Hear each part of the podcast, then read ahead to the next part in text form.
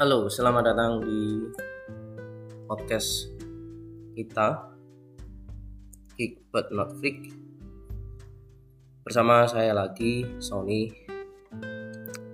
Channel ini membahas topik komputer, IT, sistem informasi Dan kita akan bahas secara ringan-ringan saja Tapi berbobot. Oke, udah lama nggak ngisi podcast uh, langsung aja ya kita bacain pertanyaan-pertanyaan diskusi dari teman-teman. Oke, yang pertama tentang kategori proses. Ya. Oke. Pertanyaan pertama, jika dalam suatu aplikasi kita menggunakan satu akun, kemudian bekerja sama di dua device, bagaimana cara kerjanya?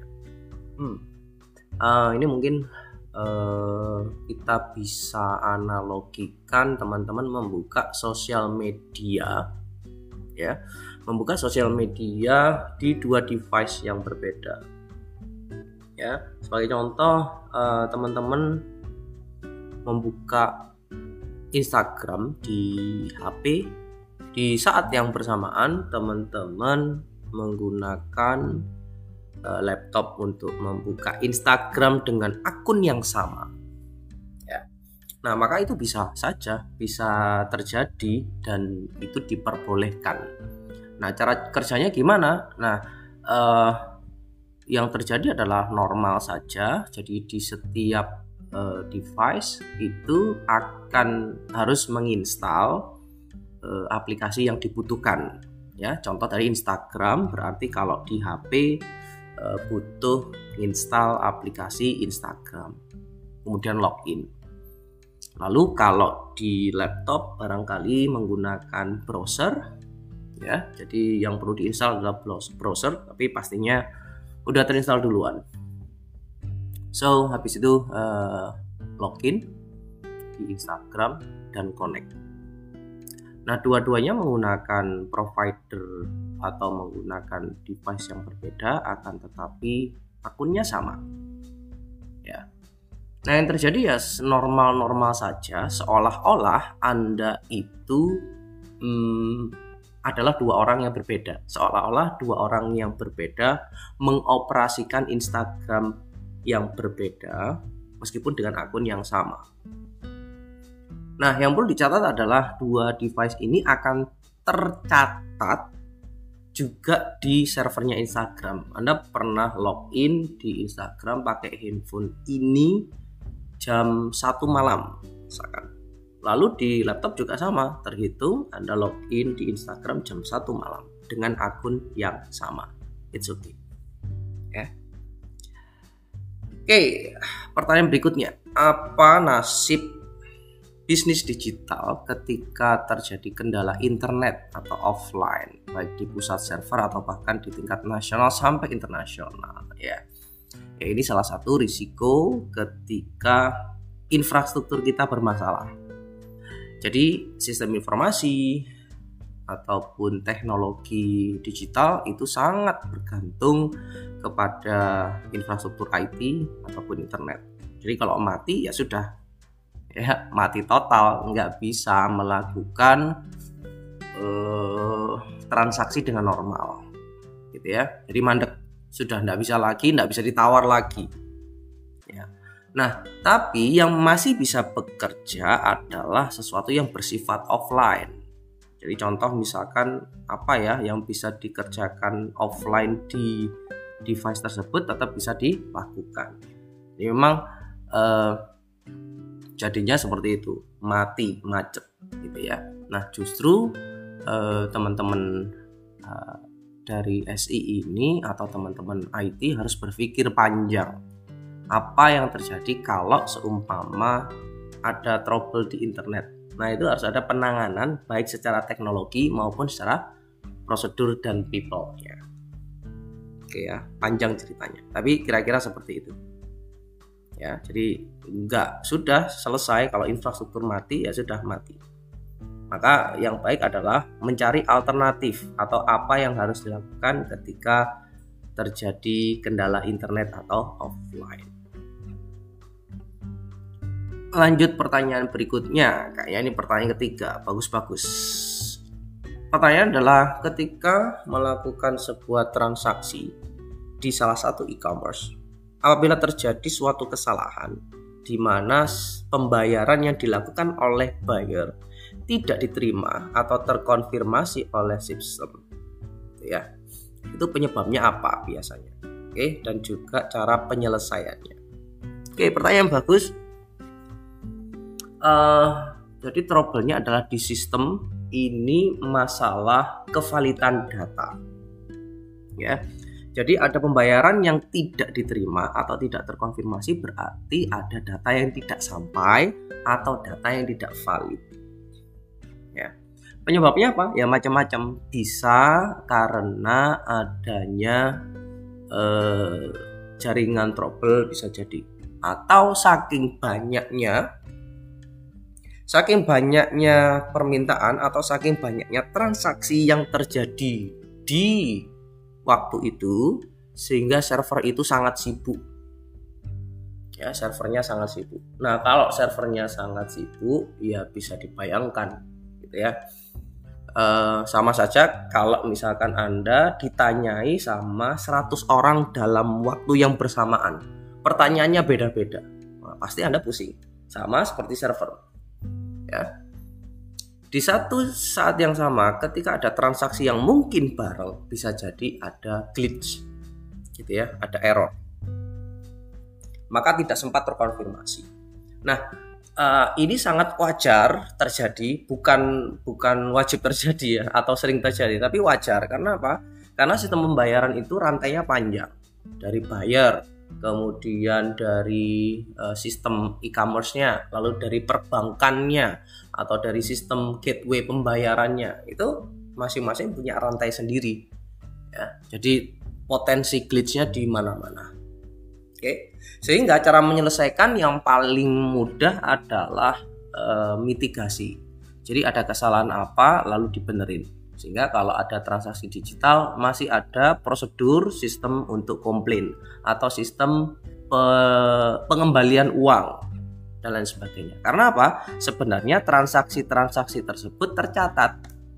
Ya, semuanya tercatat. Sempat membeli, sempat mengeluarkan uang, sempat transfer, itu semuanya ada ya tinggal dari data-data ini divalidasi entah dengan cara manual atau otomatis harusnya bisa clear. Itu yang pertama. Yang kedua nah kalau ada bug semacam ini harusnya eh, sistem itu berbenah ya supaya kejadian yang sama tidak berulang. Oke bagus banget pertanyaannya. Lanjut yuk pertanyaan berikutnya. Wih, luas sekali ini pertanyaannya. Dalam pengimplementasian sistem informasi di berbagai bidang kehidupan seperti di medical, education, sama agriculture, tentunya dibantu oleh teknologi informasi. Oke, karena sudah maju.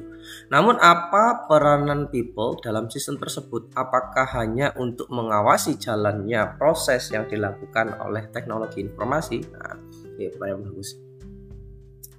Jadi uh, kalau ditanya peran orangnya macam-macam ini. Jadi kalau misalkan sebuah sistem sudah terotomasi, gitu ya, maka orangnya ngapain? Nah ini tergantung dari contohnya. Ya, misalkan education, ya di bidang edukasi, otomasinya apa? Misal uh, ujian online, ya ujian online maka otomasinya apa? Otomasinya adalah sudah tidak perlu kertas. Oke. Sudah tidak perlu pulpoin, tidak perlu datang juga ke lokasi. Kemudian tidak perlu ngoreksi, ya kan? Tidak perlu menggandakan soal. Dosen tidak perlu ngoreksi atau guru tidak harus ngoreksi. Gitu ya hasilnya langsung berupa nilai ya yang sudah bisa direkap secara otomatis. Nah, dari contoh sederhana ini kita bisa lihat people-nya masih ada, masih dibutuhkan. Siswa masih membutuh, sorry, siswa masih berperan pada saat mengisi ujian. Gitu ya. Lah dosen ngapain? Lah dosen yang menyiapkan soal meskipun betul, meskipun koreksinya itu sudah otomatis. Tapi kan dosen tetap harus mengentrikan jawaban yang benar dan jawaban yang salah mana. Ya. Nah, kemudian dosen sudah tidak lagi ikut ngoreksi karena ngoreksi uh, ujian itu juga butuh waktu yang lama. Sehingga dalam kasus ini sistem informasi atau IT-nya itu mempercepat dan mempermudah proses tadi supaya people-nya happy kan gitu. Nah, peran orangnya masih ada, akan tetapi mungkin berubah atau berganti dengan yang lain. Ya, contoh, kalau misalkan dosen tadi tidak perlu ngoreksi, berarti pekerjaan mengoreksi sudah tidak ada. Ganti dengan, nah mungkin bisa mengevaluasi lebih dalam lagi. Jadi seperti itu. Jadi ada sesuatu yang lebih value atau nilai uh, atau pekerjaan yang lebih penting lagi daripada ngoreksi. Ya. Contohnya apa? Pekerjaan yang lebih bagus daripada ngoreksi ada. Ya, dari ngoreksi kita bisa lihat soal mana yang banyak salahnya. Nah, kalau ada soal-soal yang banyak salahnya, berarti itu adalah soal yang sulit. Maka harus di ulang lagi topik itu atau penjelasan itu. Nah, itu adalah salah satu contoh berubah ini ya. E, jadi ada tugas yang lebih penting lagi setelah otomasi itu. Jadi jangan khawatir e, peran people itu pasti tetap ada di dalam sistem informasi meskipun itu sudah terotomasi. Oke, pertanyaan berikutnya agak panjang. Misalkan permasalahan digital semakin berkurang dan dibarengi oleh masyarakat yang semakin melek digital. Oke. Apakah di situasi tersebut akan lebih menguntungkan orang yang bergelut di bidang IT atau SI karena masalah yang dipecahkan tidak serumit sebelumnya atau justru merugikan orang yang bergelut di bidang SI karena sudah tidak ada permasalahan lagi yang harus dipecahkan sehingga orang SI nggak diperlukan lagi. Oh, gimana pendapat Bapak? Aduh, mantap nih. Oke, jadi uh, Salah satu kunci kesuksesan dari sistem informasi adalah usernya atau penggunanya itu sudah melek teknologi. Ya, melek teknologi kemarin kita sudah bahas ada empat pilar, ya, digital skill, digital ethic, digital culture, sama digital security. Kalau keempat pilar tersebut sudah ada, oh enak banget kita. Membuat sistem itu jauh lebih mudah karena usernya teredukasi. Justru bukan malah menghilangkan orang SI, tapi jauh memudahkan orang-orang SI, orang-orang IT dalam mensukseskan sistem yang sudah dibuat. Itu. Jadi jangan khawatir ya, justru bagus. Oke, baik. Pertanyaan berikutnya singkat tapi padat. Faktor apa saja yang dapat menghambat skema people to process? Oke. Uh, saya coba terka ini maksudnya apa? Hmm, faktor yang dapat menghambat uh, people to process. Uh, kalau di sini kita ngomongin manajemen nggak ngomongin IT atau teknologinya yang menghambat biasanya adalah kebijakan yang menghambat adalah aturan. Dan ini sebenarnya bukan menghambat itu adalah mempersulit gitu ya. Tapi memang regulasinya seperti itu. Oke contoh. Kita mau transaksi tapi pakai blockchain. Kita mau pakai uh, Bitcoin transaksi. Ya kalau di Indonesia nggak boleh, gitu ya. Nah ini kalau bagi saya uh, bukan menghambat, tapi memang tergantung dari aturan. Ya, tergantung dari aturan. Kemudian berikutnya adalah selain aturan kita bisa lihat people-nya sebenarnya ngapain terhadap suatu proses. Artinya kalau people-nya tidak jelas ya mau ngapain ini akan menghambat karena mendefinisikan people do prosesnya salah. Oke, itu jawaban singkat dari saya. Lanjut. Bagaimana cara mengolah informasi yang sangat beragam dan banyak untuk bisa jadi patokan pengambilan keputusan perusahaan organisasi. Oh, bagus banget.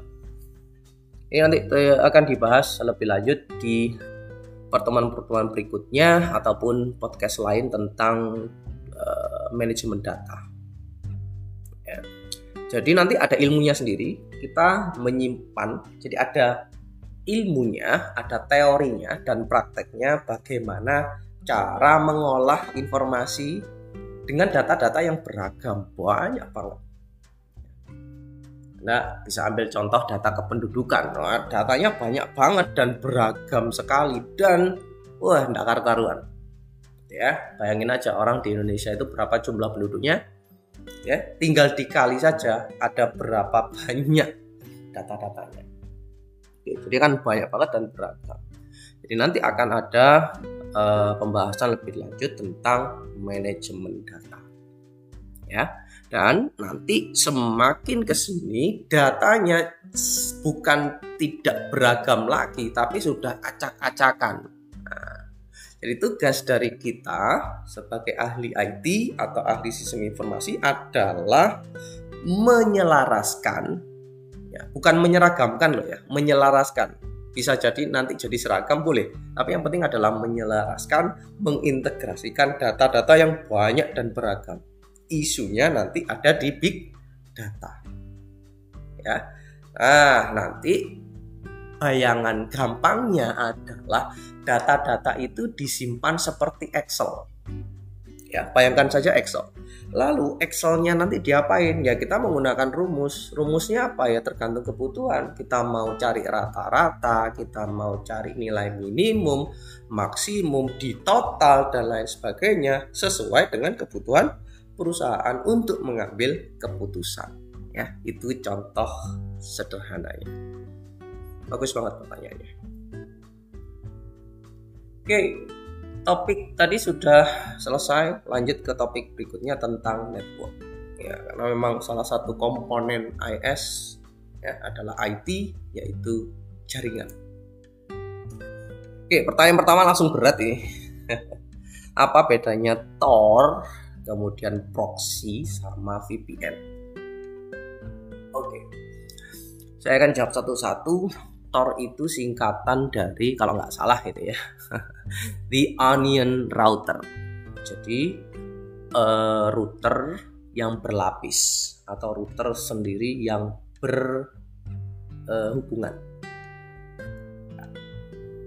kalau kita balik lagi ke dunia internet seperti yang sudah kita tahu sebenarnya internet itu adalah kumpulan dari jaringan-jaringan Oke, dan jaringan itu salah satunya diwakili oleh sebuah device yang namanya router. Anggap aja seperti itu mudahnya. Oke. Nah, uh, jadi semua router ini terhubung antar satu dengan yang lain disebutlah internet. Ya. Sama, berarti kalau jaringan berkumpul jadinya internet. Nah, jaringan itu diwakili oleh router. Ya. Nah, uh, the onion router ini seolah-olah kita memiliki internet sendiri. Seolah-olah kita memiliki internet sendiri. Ya. Seolah-olah kita punya jalur sendiri mau ke mana, ya, mau ke mana. Sehingga salah satu trik dari seorang peretas atau hacker adalah dengan menggunakan Tor. Karena untuk menghilangkan jejak biasanya dia lompat-lompat dari satu titik ke titik lain. dengan menggunakan teknik Tor ini. Jadi dia akan pindah dari satu tempat ke tempat yang lain. Sehingga kalau di tracing gitu ya, dia akan seperti berada di luar negeri. Ini misalkan mau nyerang Indonesia gitu ya. Orang dari eh, misalkan Selandia Baru mau nyerang situs yang ada di Indonesia. Nah, dia lompat-lompat ini dari Selandia Baru ke Australia, dari Australia ke Korea, dari Korea ke Kongo mungkin, kemudian dari Kongo ke Arab Saudi, kemudian lompat lagi ke Rusia. Dari Rusia nyerang Indonesia. Nah kalau di tracing jelas di sini kelihatannya dia berada di uh, Rusia karena dia menggunakan Tor itu tadi. Oke. Berikutnya ada proxy. Proxy ini hampir mirip dengan Tor. Bedanya apa? Itu tadi yang ditanyakan sebenarnya. Jadi seumpama itu tadi ya, uh, kita mau mengakses sebuah website yang ada di Rusia. Ya, saya mau mengakses web yang ada di Rusia. Lalu uh, saya diblokir sama misalkan uh, ISP atau diblokir sama pemerintah Indonesia karena mungkin kontennya negatif atau apa gitu ya atau ada alasan tertentu sehingga kita diblokir maka saya gunakan proxy saya akan lewat mana supaya tidak terdeteksi dari Indonesia. Jadi konsepnya sama. Lompat dulu. Saya tidak mengakses langsung ke Rusia karena kalau dari Indonesia akan ketangkep gitu ya. Maka saya akan ke Malaysia dulu. Saya ke Malaysia nggak akan dicek. Saya dari uh, dari Indonesia ke Malaysia nggak akan dicek. Karena yang dicek adalah dari Indonesia ke uh, Rusia tadi.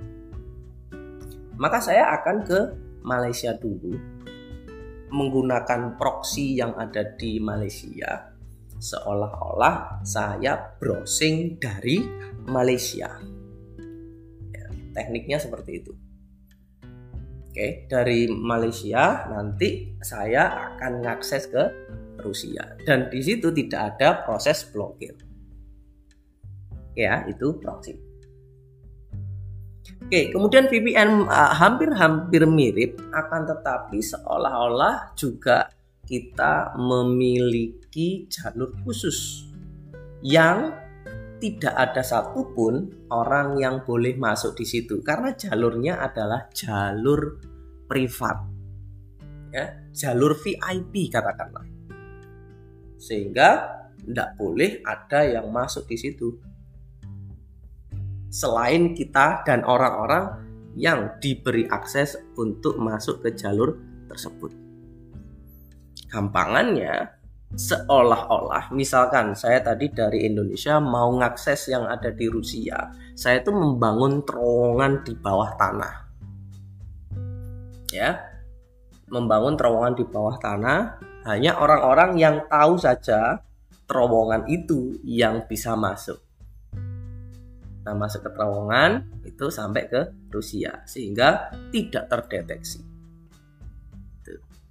Jadi karena modus seperti itu karena ada tricky seperti itu lompat-lompat dari satu tempat ke tempat yang lain maka teknik ini disalahgunakan bagi pertas untuk melakukan kejahatan supaya tidak bisa diselidiki atau tidak meninggalkan jejak ya seperti itu oke lanjut Ah, yang bagus. Saya masih ada miskonsepsi mengenai Mbps B kecil dengan Mbps B besar. Kalau Mbps B kecil berarti megabit per second, kalau Mbps megabyte per second. Oke. Nah, apa perbedaannya? Jelas beda. Jadi kalau di uh, di ISP itu biasanya uh, ngitungnya adalah M Mbps B kecil. Ya, kecepatan 20 Mbps B kecil. Ya, sehingga kelihatannya besar. Kalau Mbps kecil tapi aslinya besar. Karena apa? Satuannya berbeda. Oke. Nah, satu byte itu terdiri dari 8 bit. Gitu ya. Satu byte itu terdiri dari 8 bit. Oke. Jadi seumpama uh, kecepatan dengan menggunakan Mbps besar, megabyte per second, contohnya uh, misalkan cuman 1 Mbps besar, 1 megabyte per second, berarti sama saja dengan 8 bit per second kalau diubah satuannya ke Mbps B kecil, megabit per second. Jadi ini cuma satuan saja. Ya, kalau di uh, satuan panjang sentimeter, milimeter gitu ya. Nah, itu akan di-convert. Nah, jadi sekali lagi satu byte itu adalah 8 bit ya, 8 bit. Oke. Pertanyaan berikutnya, apakah Bapak bisa menjelaskan sebenarnya istilah deep web atau dark web yang sering kali muncul? Sebenarnya apa sih dan perbedaannya dengan internet biasa itu apa? Oke, pertanyaan bagus. Nah, ini mungkin ada kaitannya dengan pertanyaan yang tadi tentang Tor, VPN, kemudian proxy. Jadi, internet biasa ya internet yang normal-normal itu menggunakan jalur yang normal-normal. Artinya semua orang ada di situ. Orang awam akan ada di situ. Oke, orang-orang awam akan di situ. Sedangkan di web ini adalah orang-orang yang seharusnya orang-orang elit. Ya, orang-orang yang tidak mau datanya itu terungkap jadi data-datanya sebenarnya lalu lalang di internet. Cuman komunitas ini, komunitas pengguna deep web ini punya sebuah dunia lain. Jadi kalau internet itu dunia maya, ada dunia lain lagi, dunia dewa, gitu ya. Dunia dewa di dalam uh, virtual. Di situ ya isinya orang-orang dewa semua. Maksudnya orang yang jago-jago atau orang-orang yang geek tentang IT gitu ya. Yang uh, mereka pinginnya masuk ke situ nggak boleh ada orang yang uh, menyadap ya dan lain sebagainya. Nah karena di situ komunitasnya khusus maka biasanya asosiasinya deep web atau dark web isinya adalah peretas, pornografi, jual beli narkoba, penggelapan uang, pokoknya kejahatan-kejahatan dunia cyber itu biasanya ngumpul di tempat yang namanya deep web bentuknya kayak apa? Virtual banget. Anda aja nggak bisa membayangkan internet itu seperti apa. Apalagi ada dunia yang yang tersembunyi di dalam internet. Ya. Seperti itu. Tekniknya macam-macam. Mereka buat sebuah sistem supaya tidak bisa dibuka oleh orang lain tidak bisa dibuka oleh uh, misalkan otoritas tidak bisa dibuka oleh uh, Interpol, polisi dan lain sebagainya. Gitu ya. Jadi memang ada uh, sebuah ruangan yang memang benar-benar deep dan dark. Ya. Oke, kalau mau lihat lebih lanjut boleh dibuka di search engine, cari aja deep web atau dark. Yang normal-normal ya kita browsing, Instagraman dan sebagainya. Ya kalau di dark web wah itu macam-macam jual beli data, ya tempat ngumpulnya peretas dan lain sebagainya. Lanjut, semakin menarik.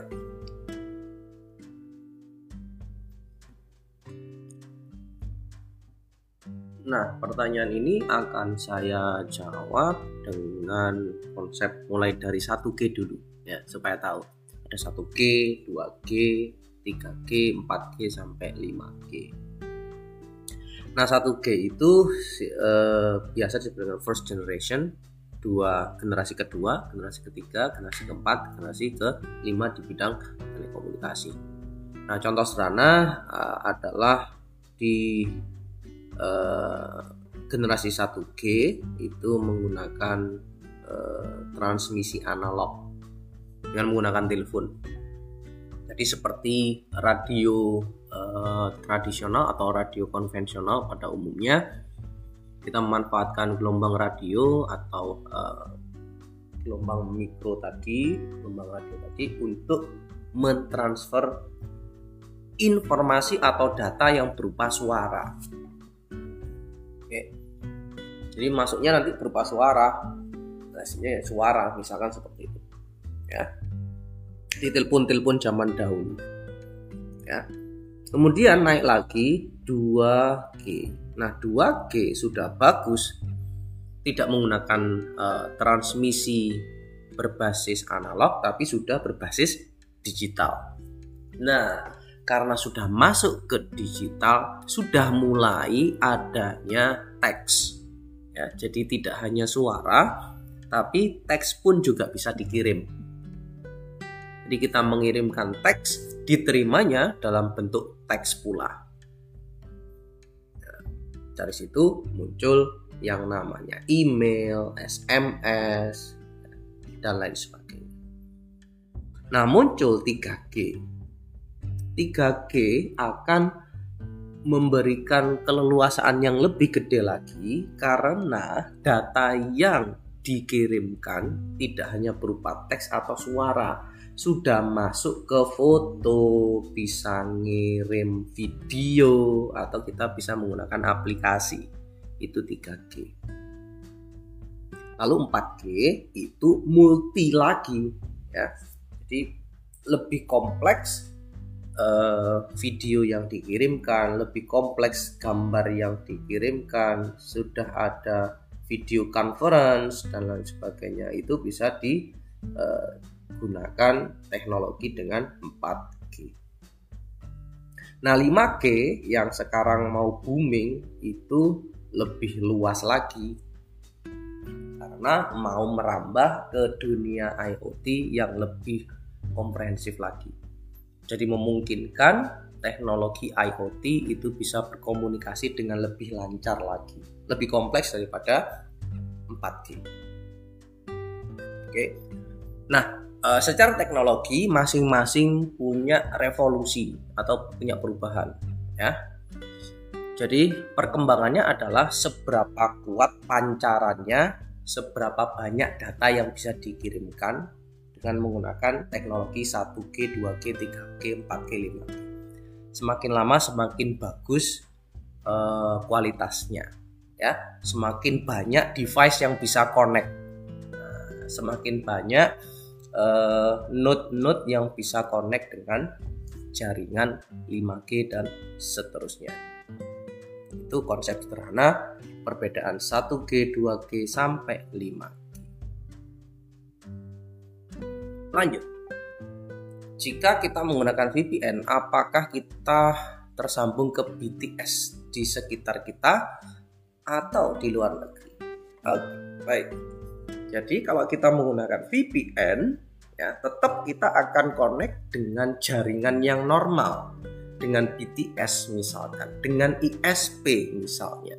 Tapi seolah-olah kita itu bikin terowongan sendiri.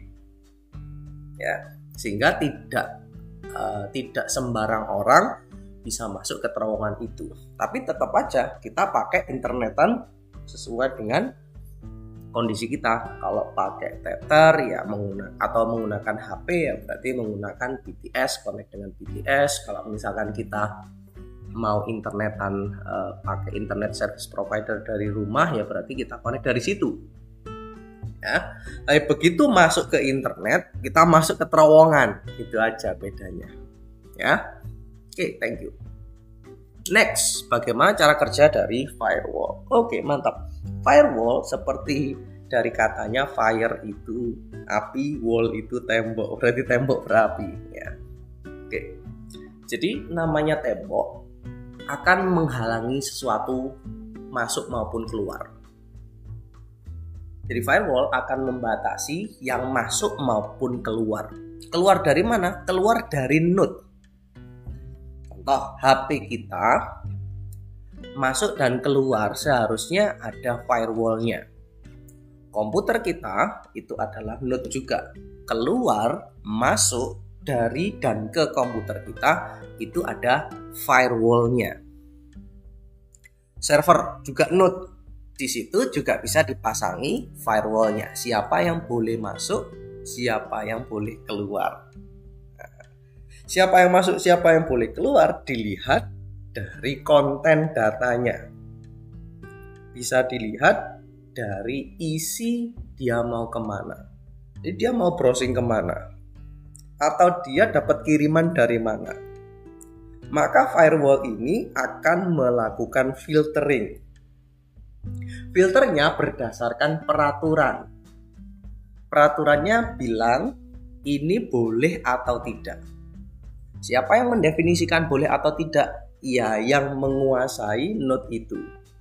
Contoh, saya punya laptop, saya yang berhak atau bisa menentukan apa saja yang boleh masuk, apa saja yang boleh keluar dari dan ke laptop saya. Aturannya saya bisa buat sendiri di laptop saya, termasuk di laptop Anda sendiri.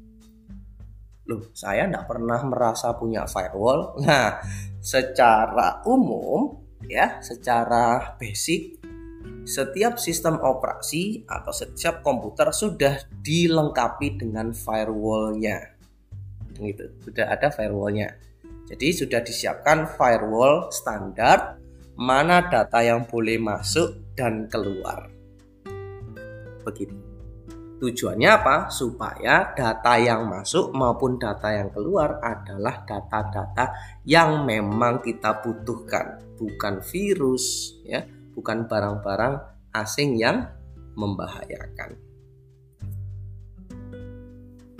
Lanjut, apa perbedaan internet sama intranet?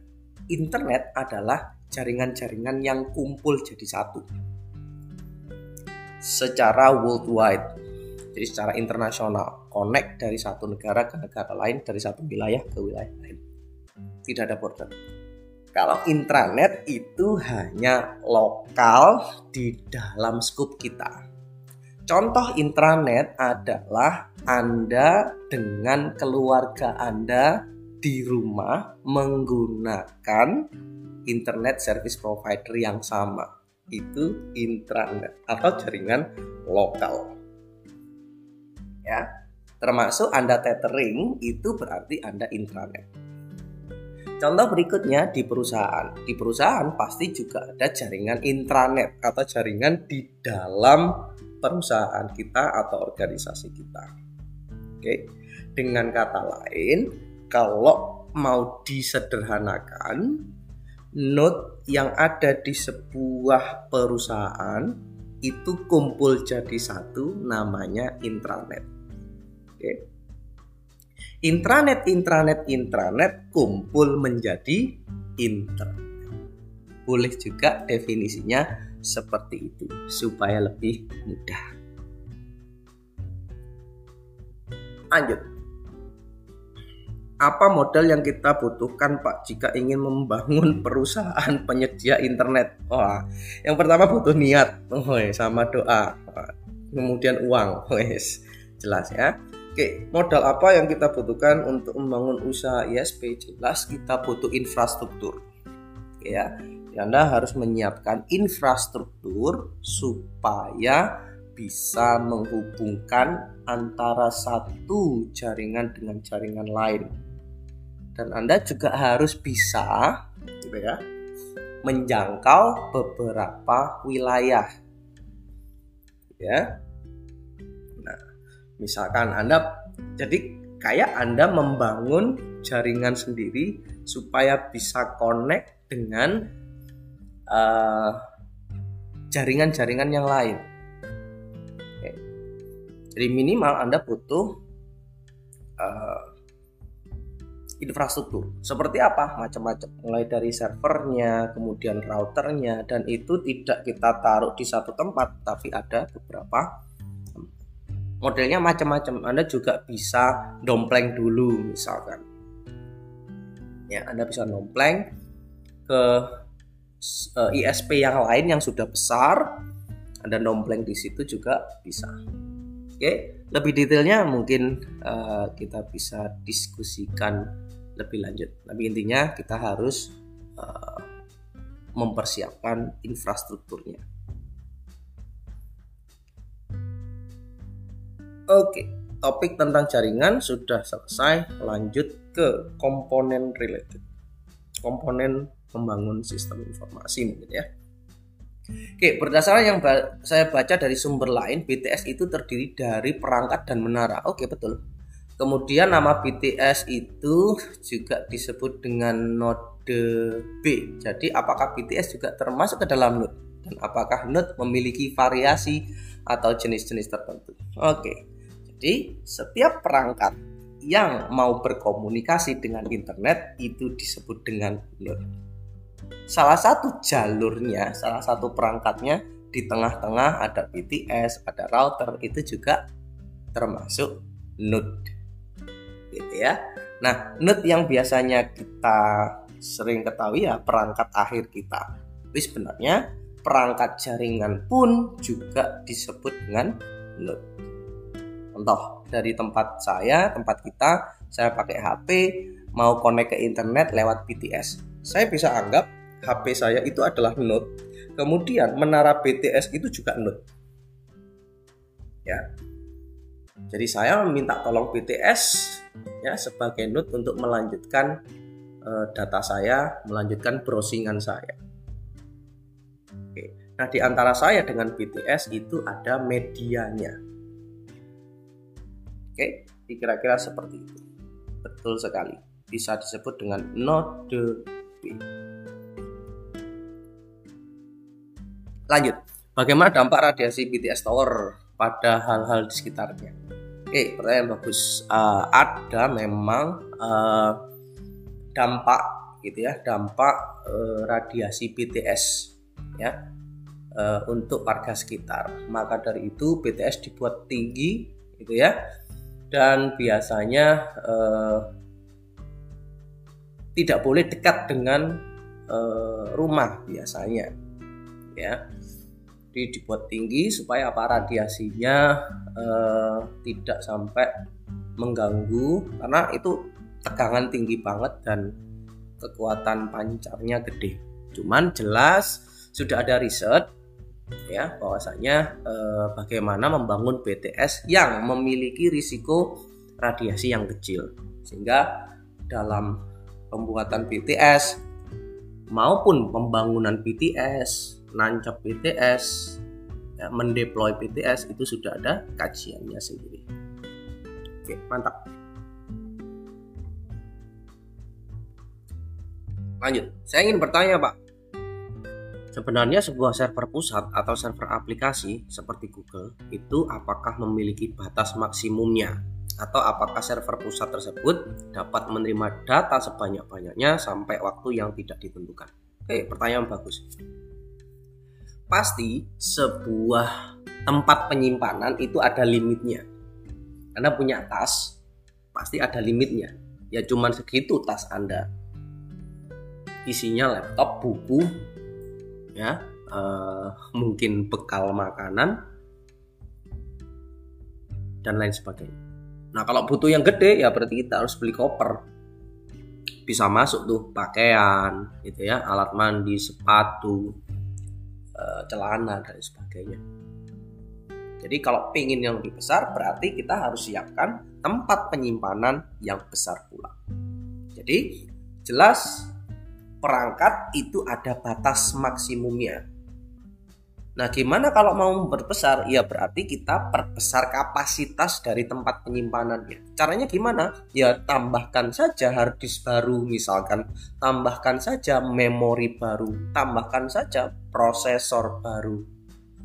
Ya. Nah, dengan adanya engineering, dengan adanya uh, perubahan atau teknologi riset gitu ya. Mungkin Eh, lima tahun yang lalu mungkin ya mungkin. Ukuran USB itu misalkan satu senti kali satu senti. Misalkan ukurannya ya ukuran penyimpanannya itu satu sentimeter persegi. Itu bisa menampung satu tera ya dengan ukuran segitu.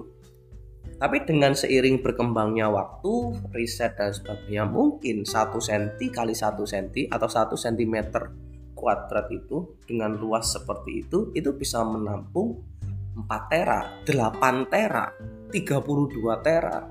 Siapa tahu bisa seperti itu. Karena perkembangan teknologi. Ya.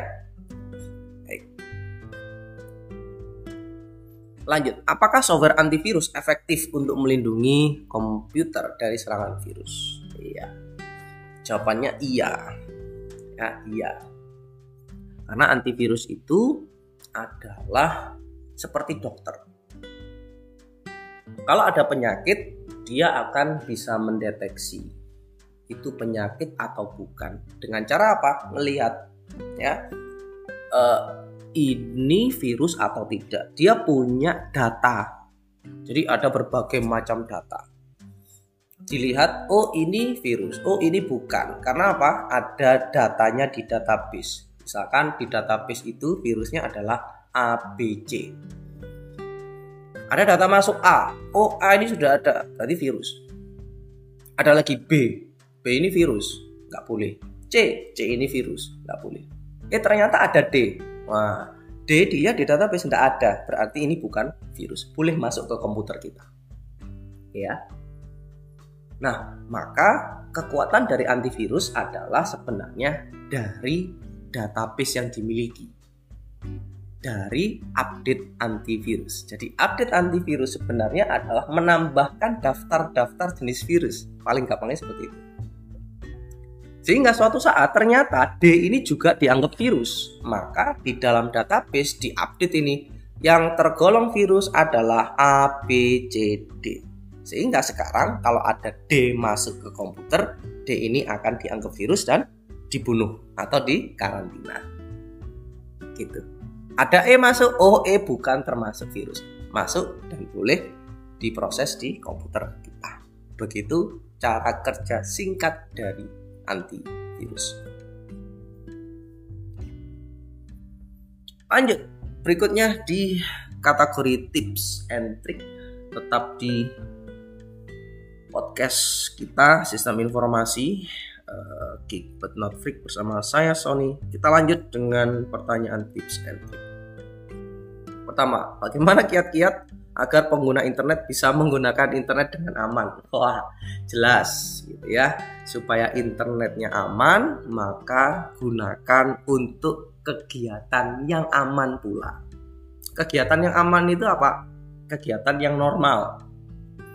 Ya, contoh, ada tawaran internetnya cepat ya, tapi tidak halal. Nah, ada eh, tawaran untuk mendownload uh, software bajakan. Nah, itu adalah perilaku-perilaku yang tidak aman.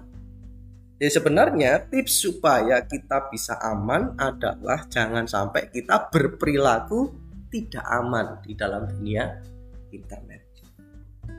Nah, kebetulan uh, saya concern juga di sini dan saya punya referensi bagus yang mungkin teman-teman sudah tahu. Buka aja di literasidigital.id ya. Di situ ada sebuah buku yang yang namanya aman di dunia digital ya. Atau digital security. Nah di situ banyak banget tips-tips bagaimana kita aman berselancar di dunia maya. Tipsnya apa saja? Oh banyak gitu ya saya rangkum jadi satu kalimat sederhana jangan melakukan kegiatan yang tidak aman di internet Jangan melakukan kegiatan yang mencurigakan di internet. Oke, mantap. Bagaimana cara meningkatkan literasi digital pada masyarakat dari pandangan jurusan sistem informasi? Wah jelas literasi digital penting banget dan uh, saya sudah kasih uh, awalan di pertanyaan tadi. Kita punya buku bagus bukan kita sih tapi sudah disediakan buku bagus literasi digital. Ada empat buku utama eh, cakap digital aman bermedia digital eh, etika digital dan juga eh, budaya digital. Ya dengan tiga pilar atau tiga pondasi itu harapannya masyarakat Indonesia kita itu semakin cakap atau digital literate tidak buta dengan uh, teknologi informasi. Mantap pertanyaannya. Lanjut apa yang bisa kita lakukan agar arus otomasi tidak membawa dampak negatif bagi pekerjaan manusia Contohnya adalah PHK dan penurunan lapangan kerja. Oke, baik. Pertanyaan bagus terkait dengan otomasi. Ini terjadi tidak hanya sekarang, tapi sudah lama. Eh, di masa revolusi industri, di mana eh, pekerjaan keras, pekerjaan kasar, itu sudah ditangani oleh mesin.